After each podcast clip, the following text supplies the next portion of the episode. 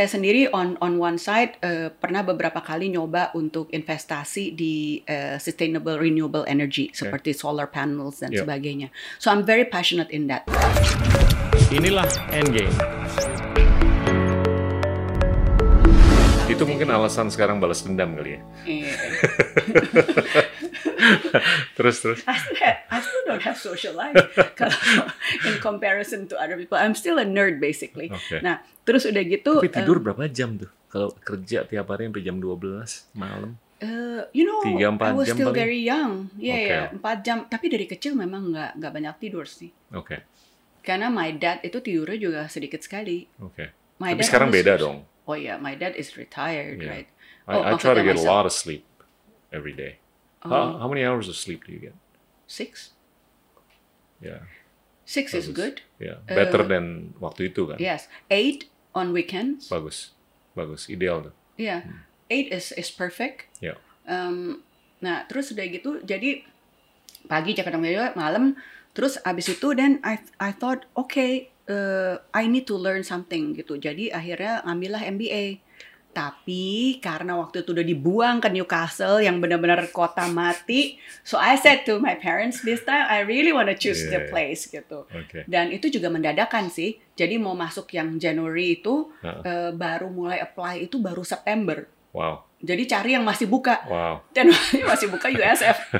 Jadi udah pokoknya yang penting San Francisco. School. Yeah. Iya, yang penting ke San Francisco. Udah, so I was really happy. Nah, tadinya kan mau santai dong, ngambil MBA, kan bisa dua tahun Yeah. gitu kan, bisa dua setengah tahun kan, on average dua setengah tahun lah kalau anak Indonesia. Gak tahu kenapa, itu akhirnya selesai 18 bulan. Oke It's dong. like- Oke banget. Nah, terus udah gitu, and I did a double major kan, ambil finance sama ambil marketing, eh, both. Nah, tapi di situ it's a good thing that I learned adalah aktif di Permias. Jadi dengan aktif di Permias, nah di situ akhirnya I was more active in sports justru. Iya, Oh ya? iya. Apa? Jadi Olahraga apa eh, eh, anything. Oh ya?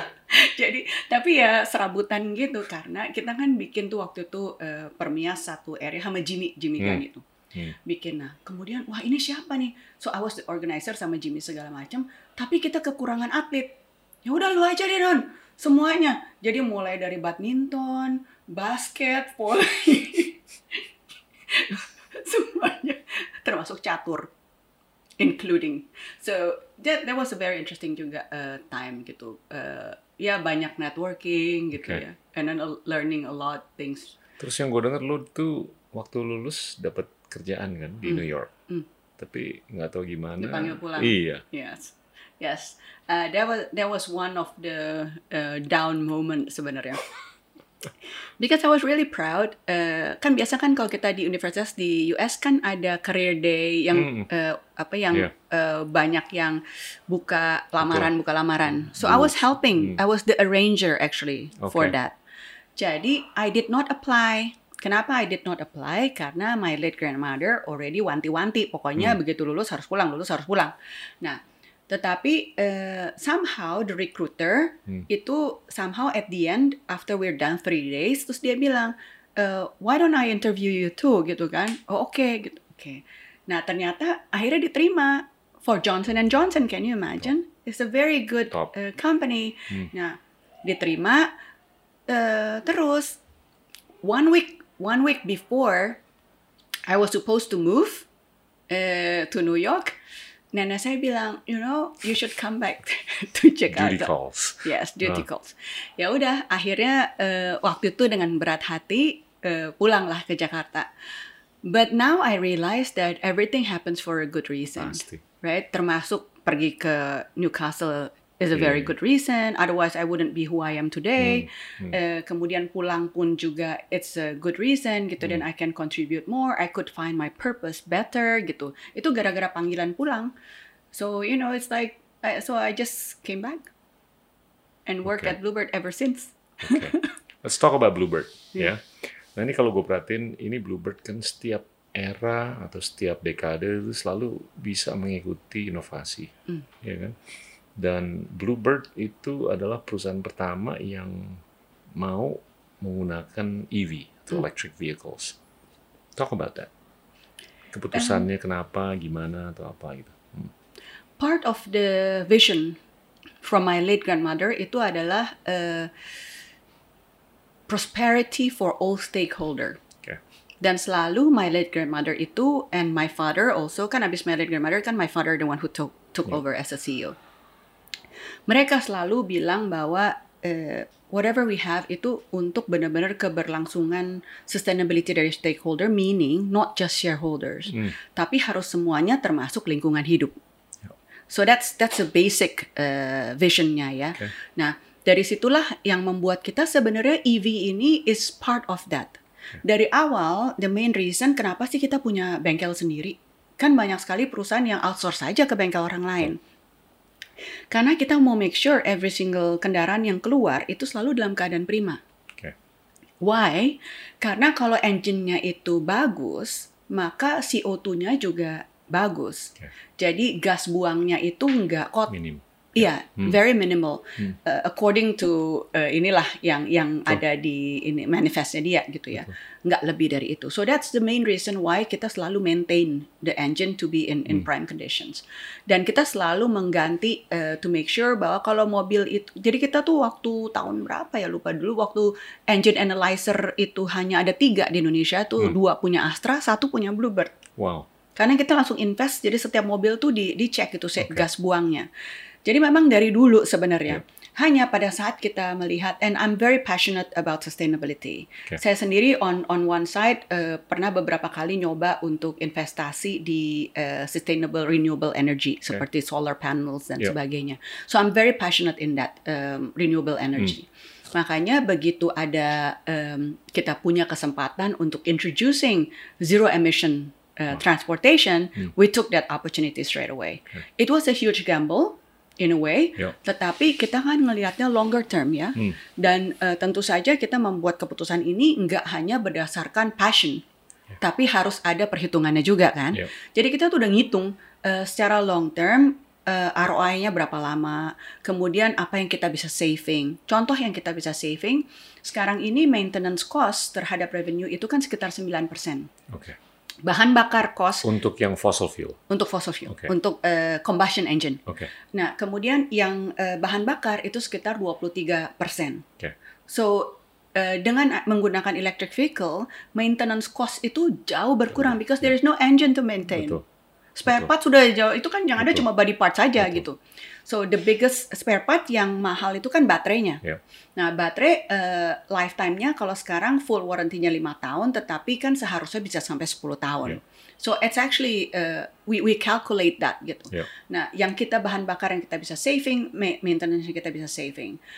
Eh, tetapi yang paling memberatkan adalah harga beli, Betul. karena sekarang harganya masih tinggi sekali. Betul. Nah, itu yang kita eh, meminta bantuan sebenarnya kalau bisa ada bantuan eh, soft loans supaya kita bisa lebih memperluas ini gitu ya. So we were actually starting to get attraction. Um, tahu-tahu kena COVID. Jadi now we we still only have 30 gitu di Iya. di Jakarta. 30 dari 30-an ribu. ya, Yes, fleetnya. 30 Oke. dari 30-an ribu. Oke. Padahal by 2021 itu kita rencananya udah mau sampai jadi 20 2020 kita sudah order dan Hmm. waktu itu sudah siap delivery. Ya. Eh, harusnya bulan Maret udah masuk itu 300 lagi tambahan. Ya. Dan eh, within five years eh, kita harapkan kita sudah bisa mengganti eh, at least half of our fleet, sekitar 15 ribuan. Oke. So that was our intention. Tapi karena keadaan seperti ini kita harus eh, reprioritizing lagi. Jadi kalau gue apa eh, dengerin ini economics-nya sebetulnya masuk ya Harusnya masuk. dengan EV kan. Yes. Kalau gitu nggak ada alasan dong untuk di regenerasi semua seluruh fleetnya. Ya, harusnya. Assuming post COVID lah Nah. scenario. Eh, our biggest ini kan eh, perhitungan ROI kita itu didasarkan juga harga jual untuk second hand Betul. car-nya. Tapi ada kepercayaan bahwa mobil listrik tuh apresiasi bukan depresiasi loh. Iya, eh, makanya dan kita juga berharap nanti ada trajectory hockey stick eh, trajectory dari eh, perkembangan baterainya itu sendiri, Iya. lifetime battery. Iya. Kalau lifetime baterainya itu bisa 10 tahun instead Hmm. of 5 tahun warranty, warranty 10 tahun, kita yakin eh, harga second hand car-nya itu bisa jauh lebih baik lagi. Iya. So we were actually betting on the technology, eh, lebih banyak mass production-nya juga. Iya. Tapi on the other hand sebenarnya dari pemerintah pun juga sudah mendukung pada saat itu uh, banyak kementerian yang sudah ingin mengganti kendaraan-kendaraannya dengan EV vehicles. Iya.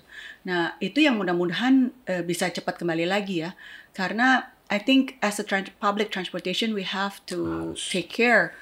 uh, Karena kebanyakan terhadap- emisi karbon tuh dari public transportation. Iya kan? Iya, tapi in a Termasuk way ya. airline juga pesawat. Iya, tapi kalau kasus Jakarta katanya justru dari power plant, power plant sama pabrik-pabrik, right? so I don't know. But at least whatever it is, kalau saya kalau kita ngelihatnya, Iya. whatever we can do, Hmm. then we should do it, gitu. Nggak usah nunjuk ini, nunjuk itu, nunggu ini, nunggu itu, gitu. setuju. If we can do something, why not, gitu kan? Jadi itu sebenarnya eh, kenapa kita berpikir bahwa we should do this. It's a long game loh. Kalau kita lihat ya, jumlah mobil yang ada di seluruh dunia itu kan dua setengah miliar. Dan penjualan atau pembelian mobil baru setiap tahun itu 100 juta unit seluruh dunia. So if you want to replace all the pre-existing cars dengan EV lah ya, it'll take 25 years. Tapi dari 100 juta itu produksi EV baru paling satu juta termasuk Tesla, BYD dan beberapa. Ya harus you gotta think big. Dan kita harus berharap tadi lo bilang hockey stick dan ada eksponensialitas kan. Nah, you're the pioneer di Indonesia loh, ya kan, yang bisa memprovokasi percakapan. Supaya orang tuh bisa eh ternyata nih pakai mobil EV ini make sense, bukan hanya untuk gua tapi anak gua sama cucu gua. Dan ternyata ini make sense economically juga, Yes, bukan hanya environmentally, yes. Ya kan? Yes. So so you you are actually game changing loh the conversation. Yeah, and we we wish to continue that sebenarnya. Ya, So we hope after this COVID situation is over, kita bisa uh, continue lagi with our project uh, because we still believe in uh, zero emission um, program ya. Ya. Uh, tetapi tentu saja nggak bisa sendirian ya. karena kalau sendirian kan jadinya uh, it's it's more of, or less Pasti, difficult. pasti. Dan dan harus ada insentif juga. Kalau Yes. menurut saya. Incentive is very important. Waktu itu kan selalu telur ayam kan, Iya. mau insentif dulu, kemudian pembangunan infrastruktur, karena orang kan masih takut. Iya. Nanti saya nyupir ke mana nggak ada charging station terus gimana? Betul. Itu kan masih banyak hal yang seperti itu. Betul. Jadi memang infrastruktur harus dibangun. Iya. Waktu itu kita sempat bekerja sama dengan PLN untuk membuat studi uh, Iya. titik-titik mana untuk pasang. Iya. Karena kan kita beredar kendaraannya kan Hmm. randomly kan. Betul. Jadi belajar eh, kita bikin studi bareng untuk pasang di titik mana. So we can be the catalyst. Em, kita istilahnya waktu itu saya sempat sampaikan siapa pun yang mau mempelajari mengenai EV come to us. Then we want to be able to collaborate gitu karena Ya. eh, at the end of the day kita nggak akan bisa memberikan significant impact kalau hanya Bluebird. Hmm. It has to be bigger Ya. gitu. Nggak bisa hanya Bluebird aja karena di Jakarta kan kita in total our fleet cuma sekitar waktu itu aja cuma 16 ribuan. Jadi nggak signifikan sebenarnya. Jadi kalau bisa semua public eh, apa private vehicle tuh juga berubah gitu Iya. significantly. Nah akhirnya kita bisa belajar lah dari kota-kota di dunia banyak ya. Itu kan Banyak. polisinya kan bisa dibikin. Banyak. Ada zero emission zone. Itu kan Iya. banyak tuh. Jadi eh, memang perlu kolaborasi sih. harus. Harus. Kalau kalau gue lihat sih di China nih gila. Itu apa political will-nya dan economic construction ya. Hmm. Ya kan itu untuk mendukung Hmm. itu kayaknya bakal bakal scalability-nya lebih kelihatan nanti. Hmm. Walaupun di Amerika juga inovasinya yang dipelopori oleh Tesla itu cukup bagus tapi scalability-nya belum belum seperti yang kita lihat di China. Yeah. I, I want to talk about disruptions ataupun dislokasi. Kalau kalau besok tiba-tiba ada political will untuk mengharuskan dilakukannya autonomous driving, ya kan? Game plan-nya Bluebird itu gimana terkait dengan puluhan ribu karyawan yang selama ini nyupir itu kan harus dipikirkan kan? Pasti ada saat tuh di masa depan di mana mereka harus di reskill atau di repurpose. Gimana tuh? Em, kalau yang eh, kita pelajari dari negara-negara lain yang sudah mulai eh, lebih lebih advance lah dalam autonomous driving ya, yang akan membuat game changer itu adalah sebenarnya ekonomiknya masuk apa enggak in a way. Oke. Eh, jadi autonomous driving itu akan sangat bermanfaat dan impactnya benar-benar bisa berasa justru pada saat eh, apa tingkat hidup manusianya sudah lebih tinggi Ya, karena pengemudi jadi mahal. ya, That's one of the the main driver kan. right. Pengemudinya mahal. Kenapa? Makanya itu dimulai dari negara-negara seperti Jerman dan sebagainya karena bayar orang per jam berapa Betul. harganya. So it is more expensive. Nah, eh, sehingga di Indonesia ini kalau nantinya secara eh, political will-nya menyatakan harus autonomous driving, that also means our GDP udah tinggi. Ya, masih jauh sih kita. Ya, Hmm. jadi pada saat itu eh, memang drivernya adalah karena memang tidak ada orang yang mau jadi pengemudi lagi. Hmm, Makanya kita harus beralih betul. ke driverless Ya, ya Em, karena kalau hanya melihat dari teknologinya aja per se eh, what is the real point gitu kan itu karena ekonomi kan sebenarnya betul. Eh, Betul. kalau persoalan safety it is debatable still Ya, masih dan debatable. ya Hmm. em, yang kalau kita bisa memanage semua orang yang mengendarai kendaraan itu bertanggung jawab Hmm. actually there's no big issue tetapi pada saat nanti harga pengemudi itu sudah sangat mahal, sehingga lebih murah untuk menggunakan autonomous car, then that will be the game changer, I Okay. think. So you see this as a process of incrementalism, di mana transformasinya itu masih bisa di manage lah, atau perubahannya masih bisa di manage. I Ya don't kan? think I don't think uh, the government will make such changes uh, yang secara masif ya Yeah, in the near future. in the near Iya, future. setuju. Mungkin untuk uh, area tertentu. Hmm. Maybe, for example, kalau kita uh, punya new capital, Iya. kemudian di situ benar-benar mau semuanya serba otomatis dan sebagainya. So on a like a secluded area Yeah. itu mungkin bisa. Yeah. Tetapi untuk mass, saya pikir you know you you really need to nimbang-nimbang gitu. Ini sebenarnya what is the most efficient? Iya, iya. Not secara hanya secara ekonomik, tetapi secara politik juga kan. betul. Kalau orang kita nggak siap, terus mau dipindahin ke mana gitu. Iya. Kalau Hmm. orang masih nggak punya skill yang tinggi untuk having a more advanced job, mau dipindahin ke mana, Betul. betul. right? Tetapi it doesn't mean that um, it is going to be still very long. Karena sekarang dengan advancement technology, uh, mungkin lebih banyak orang, apalagi anak-anak muda sekarang, Hmm. yang memang nanti uh, nggak mau jadi pengemudi because Iya. it's not attractive anymore. Betul.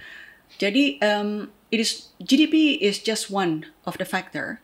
Tetapi intinya adalah kalau nggak ada lagi orang yang mau jadi pengemudi, Yeah. then maybe that's the time. Yeah, it's not cool to be a driver in Yeah. the future. Tapi mungkin dalam percakapan perlu kali disosialisasikan kemungkinan ini Yes, akan terjadi di Yes. masa depan kan. it is real. Iya. Nah, Supaya kenapa? mereka juga bisa meng-price in lah kemungkinan Yes, ini. that is true. Nah, kenapa? Kalau ngelihat dari business point of view, it is very efficient. Hmm.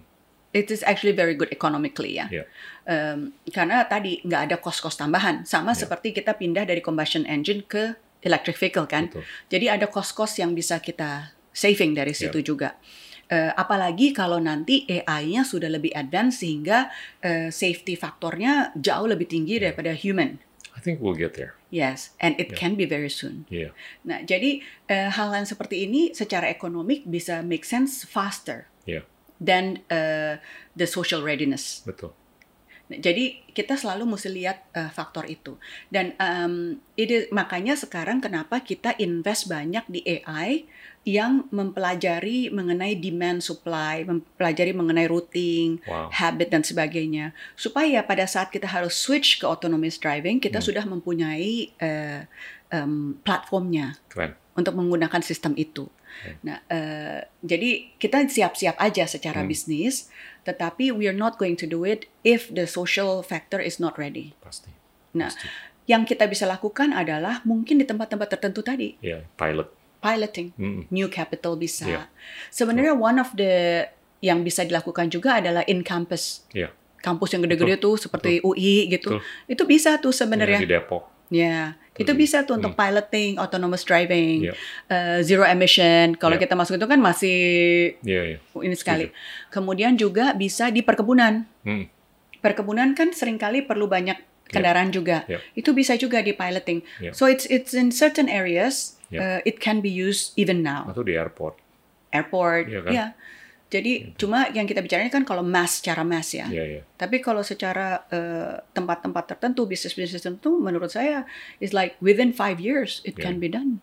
Now I want to ask you, kalau kita lihat tuh di titik-titik hampir di tiap dekade tuh Bluebird tuh menunjukkan adaptive capacity yang luar biasa dan itu manifested in the way it embraced technological innovations. Do you see Bluebird 20 to 25 years from today as a transportation company or more as a technological company or technology company? I think we see ourselves more as a mobility as a service company. Okay. Um, Okay. because technology is the enabler. Yeah. What we give to our customers are the service itself. Okay. Eh, karena tadi kita sudah bicara mengenai autonomous, right? Yeah. Um, kalau nanti eh, 20 years from now semua orang itu akhirnya menggunakan autonomous vehicle, Hmm. then we're going to deliver the mobility as a service dengan menggunakan autonomous vehicle. Kalau nanti bentuknya itu adalah dengan drone, then we will deliver the service. So it's not about the product, it's about the service. Mobility. Mobility as a service. Okay. Karena itu yang akan uh, selalu diperlukan, Hmm. right? So of course mobility as a, as a service itu harus di backup dengan dua hal, Okay. the technology part and the human part. A lot of time kalau kita bicara future, itu sering kali kita melupakan mengenai the human part, Hmm. ya kan? Padahal Betul. human is real Yeah. dan kita tetap perlu touchy feely. Yeah. Kayak sekarang kan banyak orang stres gara-gara nggak bisa salaman aja kan stres gitu ya. Nah, so Suasana batinnya harus ada. harus ada. Hmm. Nah itu yang eh, kita pikir the service part Yeah. is very important. Dan itu kan strength pointnya Bluebird ya, Betul. bahwa kita bisa extend the service. Nah biasa. caranya bagaimana? Kita harus agile. Hmm. Cara kita memberikan layanan dulu dengan cara kita memberikan layanan sekarang kan beda. Kalau dulu kita rely sebagian besar kepada nyetop di jalan dan pangkalan. Hmm. Sekarang uh, we have to invest a lot in our application. Jadi memang caranya sudah berbeda dengan chatbots gitu. Um, Yeah. Nanti ke depan kita depending on the technology lagi. So we always will will embrace the new technology. Uh, tapi idenya adalah supaya kita bisa memberikan layanan mobility as a service Hmm. as uh, kita kan ada istilahnya aman, nyaman, mudah dan personalized. Yeah. So as andal as possible. Okay. Jadi harus faktor safety-nya juga harus ada gitu kan. Karena sering kali sekarang uh, launching app tetapi datanya dibuka ke mana-mana. So we're very strict with that. Data kita nggak dijual lagi ke mana-mana Yeah. gitu. So safety factor is important. Technology is enabler and it changes all the time. Dan perkembangannya itu jauh lebih cepat daripada perkembangan uh, human behavior yang sendiri kan ya. You can actually do, you can science it up. Karena you have the map of where people go and how frequently they go from one Yes. place to another. Yes. You can predict dengan predictive economics. Then you can venture into something else Yes. where you can monetize better. Yes. Iya kan? Yes, that's why um, I think we're we're looking into that opportunity juga gitu Bagus. ya. Eh, karena kita mempelajari it is not just pattern, tetapi juga tendency, Betul. choices, Betul. Eh, dan itu bisa berubah-ubah dengan keadaan Yeah. gitu. Um, so that's what we're learning Yeah. at this moment. Dan dan don't forget percakapan antara pengemudi dengan penumpang.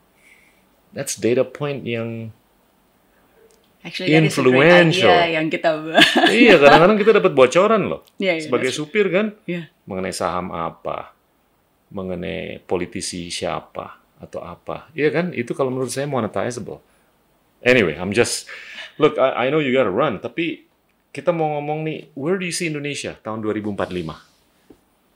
Um, Indonesia kan sebenarnya it's a very rich country Yeah. ya, resources How wise. many women presidents will we have seen by 2045? Well, we're half of the population, so hopefully half, Okay, right? I like that. Ya, karena we're half the Yeah. population. Kalau kalau saya ngelihatnya gini ya, sering kali kalau kita bicara mengenai women empowerment, itu Hmm. sering kali it's being imposed atau forced into.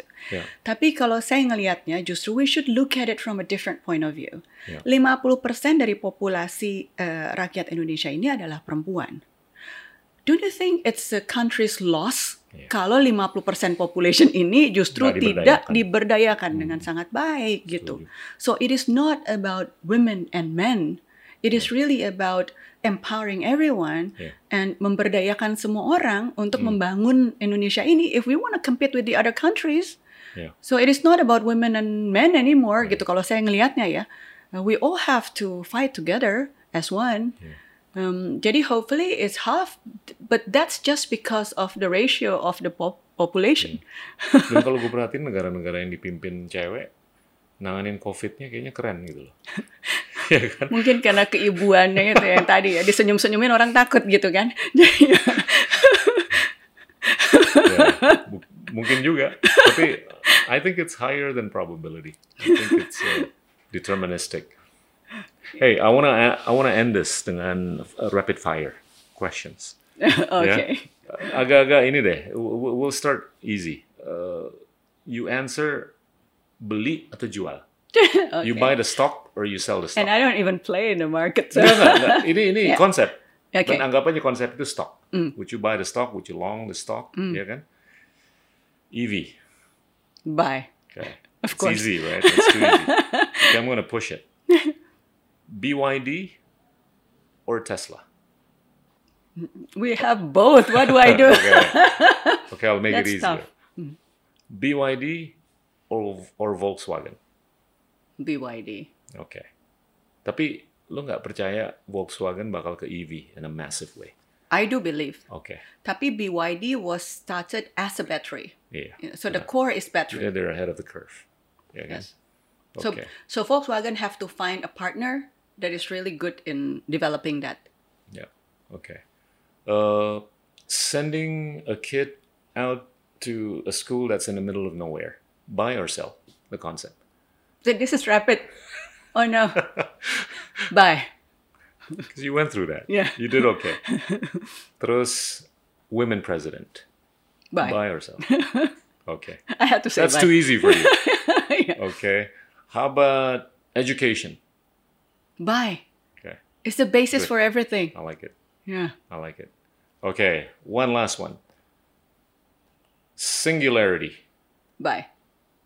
Because I'm a strong believer in in you know in that um, assimilation, if we can say, between technology and human part, and I think that is very important. Bagus. Noni, thank you banget loh. Thank you. Ya, So it's great conversation. likewise. Teman-teman, itulah Noni Purnomo, pimpinan Bluebird. Enjoyable. Thanks. Inilah Endgame.